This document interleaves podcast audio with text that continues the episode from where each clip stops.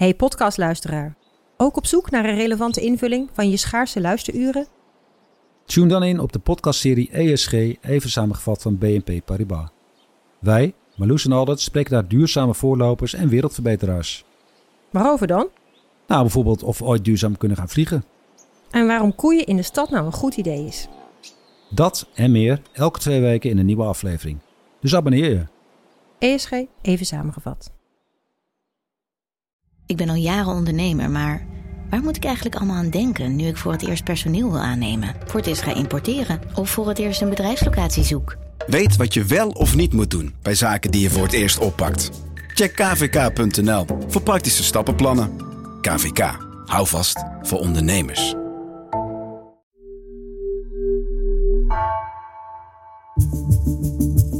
Vanaf de redactie van NRC het verhaal van vandaag.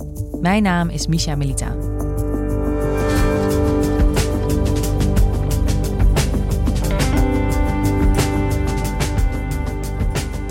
Ooit was de oprichter van vastgoedbedrijf Evergrande de rijkste man van China.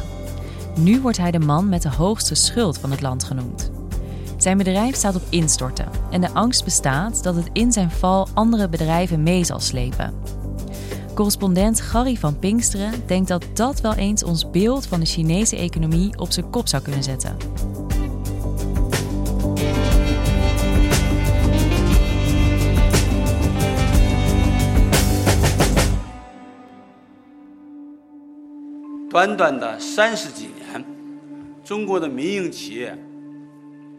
Dit is Xu Jiayin, het hoofd en de oprichter van het Chinese vastgoedbedrijf Evergrande.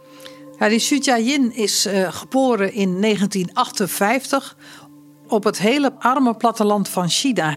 En hij is zijn moeder al verloren voordat hij één jaar was. Hij heeft een hele eenvoudige achtergrond eigenlijk. Echt, echt van het diepe platteland van China. En wat hij is gaan doen, is hij is uh, gaan studeren aan een instituut voor ijzer en staal. Zoals je die toen de tijd in China had. En daarna is hij langzaam opgeklommen binnen een lokale producent van staal. Totdat hij de general manager was, de hoogste baas van die fabriek daar. Maar hij vond dat toch niet genoeg. En hij heeft dus in Zuid-China heeft hij zijn uh, bedrijf Evergrande opgezet. Uh, dat heeft hij in 1996 gedaan. En dat is dus een bedrijf uh, waar hij nu heel groot mee is geworden. En wat vanaf het begin in het vastgoed heeft gezeten. Volgens sommigen is het het grootste vastgoedbedrijf van China. En volgens anderen is het het op één na grootste vastgoedbedrijf. Je moet dat denken aan een omzet van tegen de 80 miljard eh, dollar per jaar. Het is echt een hele grote, want het maakt ongeveer dat wat zij omzetten, is ongeveer 2% van het bruto nationaal product van heel China. Ja, dus deze Su Jiayin, zijn leven is een soort ja, bijna een soort Hollywood-film. Maar wat, wat is dat voor iemand? Nou ja, het is een Hollywood-film als je kijkt naar de uh, grote momenten van succes. Hè? Uh, want deze man is uh, op een gegeven moment de rijkste man van China geweest. Hij is op een gegeven moment rijker geweest, bijvoorbeeld dan de Chinees die wij allemaal kennen, Jack Ma van Alibaba. Wat er verder om die man ook heen hangt, ik kan dat niet uit eigen ervaring vertellen, want ik ben er niet bij geweest. Maar dat hij bijvoorbeeld ook de mensen waarvan hij uh, dingen wilde, hè, dus zakenpartners, maar mogelijk ook mensen binnen de Chinese overheid, dat hij die enorm fetteerde en ook fetteerde door uh, vrouwen uit te nodigen in een hotel. En dat hij dan foto's liet maken van die mannen Terwijl ze met die vrouwen alleen op hun kamer waren. Mm. Zodat die eigenlijk een soort klassiek, ja, wat je in het Russisch compromat zou noemen hebben. Dat hij materiaal verzamelde om ze mee te kunnen chanteren als ze niet meewerkten. En hij heeft ook een aantal vrienden die met hem in een zogeheten pokerclub zitten. Joseph Lau, of course, uh, is the China State Holdings uh, billionaire founder, uh, he has been kind of backing Evergrande and his friend Hui Kaiyan. They do play poker together, reportedly, along with New World Development's Henry Chung and others. Uh, and they've kind of had that, uh, you know, gentleman's agreement that they would back them up. Nou, wat ze met elkaar doen is inderdaad pokeren. Maar wat ze ook doen is elkaar enorme eh, bedragen uitlenen. Hè? Want ze hebben de laatste tien jaar iets van 16 miljard eh, dollar is de schatting aan elkaar uitgeleend. En het zijn dus ook mensen die hem hebben geholpen in het, in het opzetten van zijn bedrijf en het laten groeien daarvan. Maar die pokerclub is ook wel interessant, want die vertonen vrij extravagant gedrag. Bijvoorbeeld was er een keer dat ze met z'n vieren naar uh, Parijs zouden reizen. In hun privévliegtuigen uiteraard. Uh, en ze hadden daarvoor drie privévliegtuigen. Maar omdat de heren graag met elkaar wilden pokeren onderweg naar Parijs, zijn ze wel met die drie vliegtuigen gevlogen. Maar een van die vliegtuigen is leeg gebleven, omdat ze bij elkaar zijn gaan zitten uh, in dat pokervliegtuig. Ze hebben dus gewoon dat een leeg een privévliegtuig heen en weer laten vliegen. Want ja, uh, het staat ook zo slordig en zo armoedig als je dat vliegtuig had achterlaat uiteindelijk. Dus het geeft een beetje aan hoe die mannen opereren. Ja, dus die rijkste man van China, of misschien wel ooit de rijkste man van China, dat is een behoorlijk spraakmakend figuur. Uh, ja, uh, hij is in ieder geval nu op dit moment heel erg spraakmakend. Uh, want hij was op een gegeven moment de rijkste man van China. En nu is zijn bedrijf het vastgoedbedrijf met de hoogste schulden ter wereld. Want de schulden van dat bedrijf bedragen waarschijnlijk wel 300 miljard dollar. En als dit bedrijf zou omvallen, dan kan dat uh, de Chinese economie naar beneden meetrekken. Maar het heeft ook dan een hele grote invloed op de internationale economie, op de wereldeconomie. Want Gary, neem ons eens mee naar Evergrande, het bedrijf van deze Suja Yin. Wat is dat voor bedrijf? Het is een bedrijf dat vastgoed bouwt. En als je in China aan vastgoed denkt, je moet je je voorstellen dat het enorme wijken zijn met een heleboel hoogbouwflats dicht op elkaar. En dat, ja, dat, dat zijn echt hele grote uh, bouwprojecten. Hè, wat je bij ons. Uh, misschien een hele nieuwe stad zou noemen.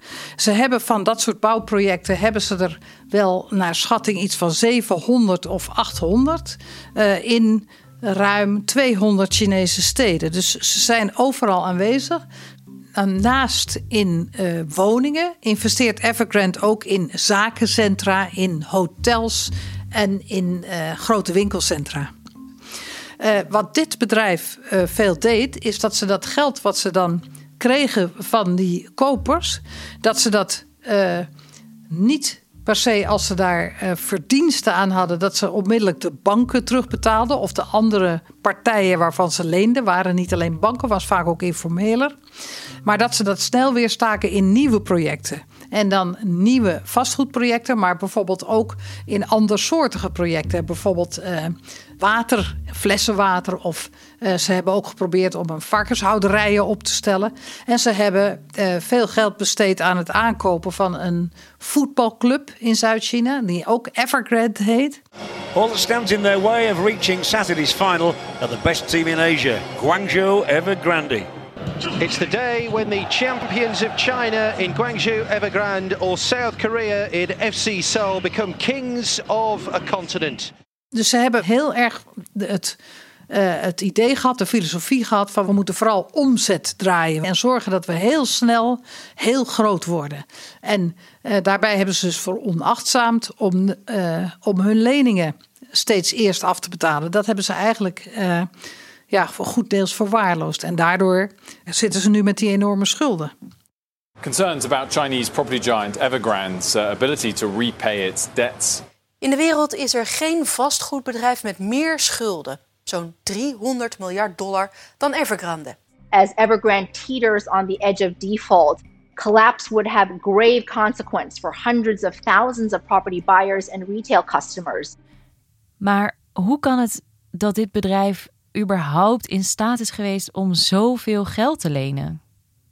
Omdat ze uh, waarschijnlijk goede contacten hebben, de baas goede contacten heeft met de uh, top van de Chinese uh, Communistische Partij. En dan niet met alle leden, maar met bepaalde leden. Want zo schijnt dat hij bijvoorbeeld goede banden had, in ieder geval met een broer van een voormalige premier van China, met Wen Jiabao's broer. Uh, je hoeft die banden misschien niet eens per se ook echt te hebben. Maar als mensen denken in China dat je dit soort uh, banden hebt, dan maakt het ook een stuk makkelijker uh, om leningen te krijgen van de bank. Want dan denkt de bank en dan denken ook anderen die je geld lenen van, nou dit bedrijf zal niet makkelijk in de problemen komen. Want als het in de problemen komt, dan staat er altijd de overheid achter die dit bedrijf zal redden. Evergrande is dus een bedrijf met een gigantische schuld. Jij zegt dat is al opgelopen tot bijna 300 miljard. Hoe kan het dat dat bedrijf nog niet failliet is gegaan? Ja, omdat kennelijk dus niemand keihard eiste dat het geld terugkwam. Uh, ze hebben kennelijk gehoopt dat het geld wel terug zou komen op een gegeven moment. Maar wat er ook heel interessant aan is, is dat het systeem in China eigenlijk een beetje eraan bijdraagt dat bedrijven idioot veel geld blijven lenen en niet terugbetalen. Want, zo is het idee, je, de staat zal uiteindelijk ons bedrijf toch wel redden. Juist als we heel erg groot zijn. Dan zijn we eigenlijk too big, too veel. Dan zullen ze ons niet laten omvallen, want dat is te slecht voor de economie. En dat noemen ze een soort het morele gevaar, het morele risico van dit soort situaties. Dat als privébedrijven het idee hebben dat de staat ze uiteindelijk steunt. Uh, en dat, dat, dan, dan zullen zij daardoor geneigd zijn om onverantwoord veel te lenen. Dat zouden ze niet doen als ze zouden weten dat de staat ze gewoon keihard zou laten vallen. En juist die moraal om correct te lenen en niet te veel te lenen, dat probeert de uh, hoogste leider van China, eh, de president Xi Jinping, er nu dus bijna met, met harde hand in te brengen. Dat bedrijven dat voortaan wel weten. Maar is dit niet een soort kaartenhuis? Want het is helemaal gestoeld op die gigantische leningen. Nou, kijk, zolang de groei hard is, zolang, zolang het hard blijft groeien, de economie en die, ook die vastgoedsector hard blijft groeien, gaat het eigenlijk allemaal wel goed. Maar inderdaad, op het moment dat dat minder zo is, of dat de overheid uh, het niet meer toestaat dat je zo verleent, kan het inderdaad als een kaartenhuis ook weer in elkaar zakken. Daar heb je gelijk in. En wat er op dit moment gebeurt, is dat er zowel factoren zijn die maken dat die huizenmarkt niet zo hard meer groeit, als dat ook Xi Jinping ehm, niet meer wil dat deze bedrijven onbeperkt lenen en dat er dus nieuwe regels zijn gekomen die vastleggen hoeveel je dan eigenlijk wel mag lenen. En volgens die regels mag Evergrande niets meer lenen. Ja, dat betekent dat Xi Jinping Evergrande nu dwingt om te beginnen met het afbetalen van hun schulden. En die schulden zijn enorm hoog. Dus als ze daar onvoldoende aan doen, of als ze dat niet lukt, ja, dan bestaat de kans dat dat hele Evergrande daarmee omvalt. En wat is het idee van Xi Jinping hierachter? Waarom wil hij dit nieuwe beleid invoeren? Een van de doelstellingen is dat hij zegt van de huizen zijn niet om te speculeren, huizen zijn om in te wonen. Je moet je voorstellen dat één op de vijf huizen in China op het moment leeg staat. Dat veel mensen huizen kopen als een soort belegging, niet per se om erin te wonen. Ehm, dat hij zegt wel, ja, die huizenprijzen zijn eigenlijk kunstmatig hoog geworden.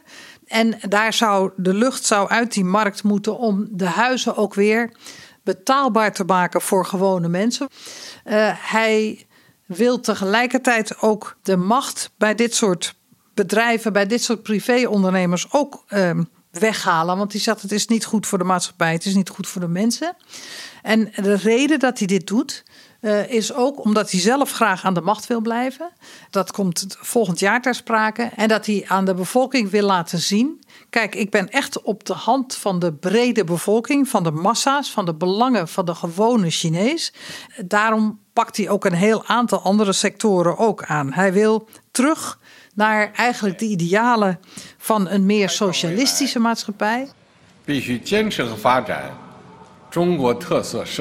Met welvaart voor de massa's en minder verschil tussen arm en rijk. En uh, minder wantoestanden ook als je er goed naar kijkt, is het uiteindelijk een beleid wat je op twee manieren kan uitleggen. Hè? Uh, de ene manier is om te zeggen van uh, Er is zoveel ongezonds geslopen in de hele Chinese economie. Zoveel groei die eigenlijk geen echte groei is, of in ieder geval niet een groei waar de mensen in China veel aan hebben. Dat je moet vroeg of laat die economie wel herstructureren. Je moet die bedrijven wel gezonder maken, want ze kunnen anders op deze manier niet verder. Gaat vroeg of laat fout. Dus dat uh, Xi Jinping dat nu doet, is, uh, is een noodzakelijke, is weliswaar een heel pijnlijke, maar toch heel noodzakelijke ingreep. Uh, je kunt ook zeggen. Uh, Xi Jinping grijpt hier nu zwaar op in. En er zit inderdaad, structureel zitten er fouten in die economie. Maar zijn bedoeling is niet als eerste om de economie weer gezond te maken. Zijn bedoeling is als eerste om de invloed van de staat groter te maken. En vooral de invloed van de partij. En stel dat Evergrande failliet gaat, wat zou dat betekenen voor de Chinese economie? De invloed op de rest van de economie zou dan waarschijnlijk heel groot zijn. Want banken en anderen die geld hebben geleend aan Evergrande krijgen het dan niet terug. Banken worden dan voorzichtiger om geld uit te geven omdat ze ook minder geld hebben. En dan remt de hele Chinese economie nog verder af. En het gaat nu al niet zo geweldig goed met de Chinese groei. Uh, en dan zal die groei nog verder teruglopen.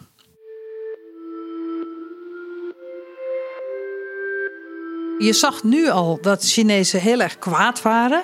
Uh, mensen, vooral dus gewone mensen, die uh, een huis van Evergrande wel al hebben betaald, maar nog niet hebben gekregen, wat nog niet opgeleverd is. Die mensen zijn heel kwaad. Maar ik denk dat ook dat gewone Chinese huizenbezitters bang zijn dat hun huizen ook als effect minder waard zullen worden. En dat ze daar ook kwaad over zijn. Want het is hun spaargeld wat daarin zit. En ze zijn niet opgevoed met het idee dat een huis ooit ook echt minder waard kan worden.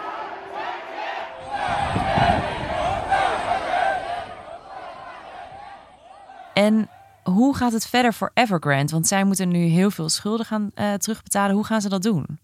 Nou, ze proberen waar ze vroeger kochten, kochten, kochten, proberen ze nu te verkopen. Dus wat ze maar hebben, proberen ze aan de man te brengen. En dat is dan deels dat ze woningen die ze al hebben en andere vastgoedprojecten tegen een gereduceerde prijs proberen te verkopen. Maar er is niet zo ontzettend veel vraag naar. De inschatting van de meeste analisten is nog steeds wel dat de overheid uiteindelijk op het laatste moment toch dingen zal doen om te zorgen dat er sprake is van een enigszins ordelijke herstructurering. Maar het is de vraag uh, of het dan nog op tijd is. Hè? Of de overheid de luxe houdt om dat inderdaad te kunnen doen. Of dat er dan toch al effecten in werking zijn gezet die ook de overheid heel moeilijk zou kunnen stoppen. Ja, we hebben het over één heel groot bedrijf dat de Chinese economie mogelijk heel erg gaat beïnvloeden. Kan het ook nog invloed hebben buiten de landsgrenzen van China op de globale economie? Nou, als je daar een indicatie voor wil hebben, moet je kijken naar de beurzen op Wall Street bijvoorbeeld. Want toen het nieuws van Evergrande begon naar buiten te komen, was er één dag waarop die beurzen 1,7% daalden. Dat is een hele grote daling door dat ene Chinese bedrijf. If it topples, it could take a number of banks down with it, like Lehman Brothers did in 2008. The risk of defaulting has prompted a sell off. Banks in China and beyond are raising to reassure markets about any fallout from the developer, reassess the risk of the economic and market contagion from the Evergrande debt crisis. The company is so big that some say the fallout could have ripple effects beyond China. This one company has got markets on edge, and its struggles could have big repercussions for global investors. En waarom is dat effect nou zo sterk? Uh, het is niet zozeer omdat het buitenland ook heel veel geld in dit Evergrande heeft gestopt. Maar het gaat er dan vooral om dat men in het buitenland ook schrikt en denkt: goh. Uh, die Chinese economie, daar is iets serieus mee aan de hand. Daar gaat het serieus niet goed mee. En dat gaat een effect hebben op de hele wereldeconomie. Wij zijn bang dat dit de hele wereldeconomie meesleurt. Want tot nu toe is de Chinese economie vooral de groeimotor van de economie geweest. En als daar dus zand in die motor komt, dan zijn investeerders bang dat dus de hele wereldeconomie daar ook een zware klap van krijgt. Dat ook banken in het Westen daar het effect van gaan merken. Uh, en dat er in ieder geval een angst in de, uh, bij de investeerders insluipt dat de Chinese economie uh, een groeimotor zal blijven. Gary, we hebben het over dit hele grote bedrijf, Evergrande, in China. Maar waar staat dit verhaal voor wat jou betreft? Ja, wat ik heel opvallend vind in dit verhaal is dat het eigenlijk blootlegt dat er in die Chinese economie veel meer rot zit, veel meer problemen zitten, veel meer structurele ongezonde elementen in zitten. Dat dat aangeeft dat die Chinese economie in zijn geheel uh, toch vreemd in elkaar zit. Juist door die combinatie van, van staatsinvloed en staatsmonopolies en staatsmacht en privébedrijven. En dat het nu naar buiten komt wat daar allemaal voor vreemds in zit. En dat je je dan gaat afvragen: goh. Uh, we dachten altijd, die Chinese economie groeit lekker. Het gaat goed met China. Maar dat je nu gaat denken, goh, gaat het eigenlijk wel zo goed met China? Zitten er niet ontzettend veel problemen verborgen die we nu pas te zien krijgen? Ja, dus het mogelijke failliet van Evergrande zou het topje van de ijsberg kunnen zijn. Zeker, het zou het topje van de ijsberg kunnen zijn. Het zou een, een symbool kunnen zijn van hoe ongezond een heleboel andere bedrijven of een heleboel andere economische situaties en constructies in China eigenlijk blijken te zijn. Dat komt nu een beetje boven tafel. En hoe dit uiteindelijk gaat aflopen, moeten we natuurlijk nog afwachten. We zitten er middenin. Maar het is een heel spannend verhaal dat in principe heel grote gevolgen kan hebben, ook voor de wereldeconomie. Dankjewel, Gary. Graag gedaan.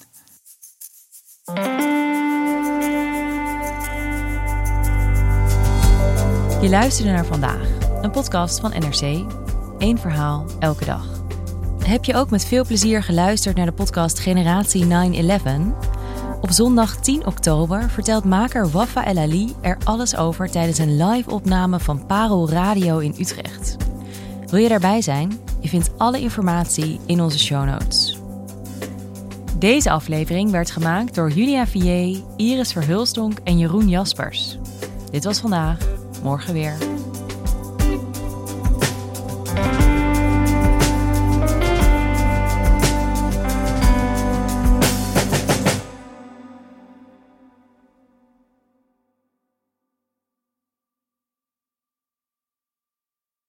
Technologie lijkt tegenwoordig het antwoord op iedere uitdaging. Bij PwC zien we dit anders. Als we de potentie van technologie willen benutten, kunnen we niet zonder een menselijk perspectief. Human-led, tech-powered noemen we dat. Ga naar pwc.nl.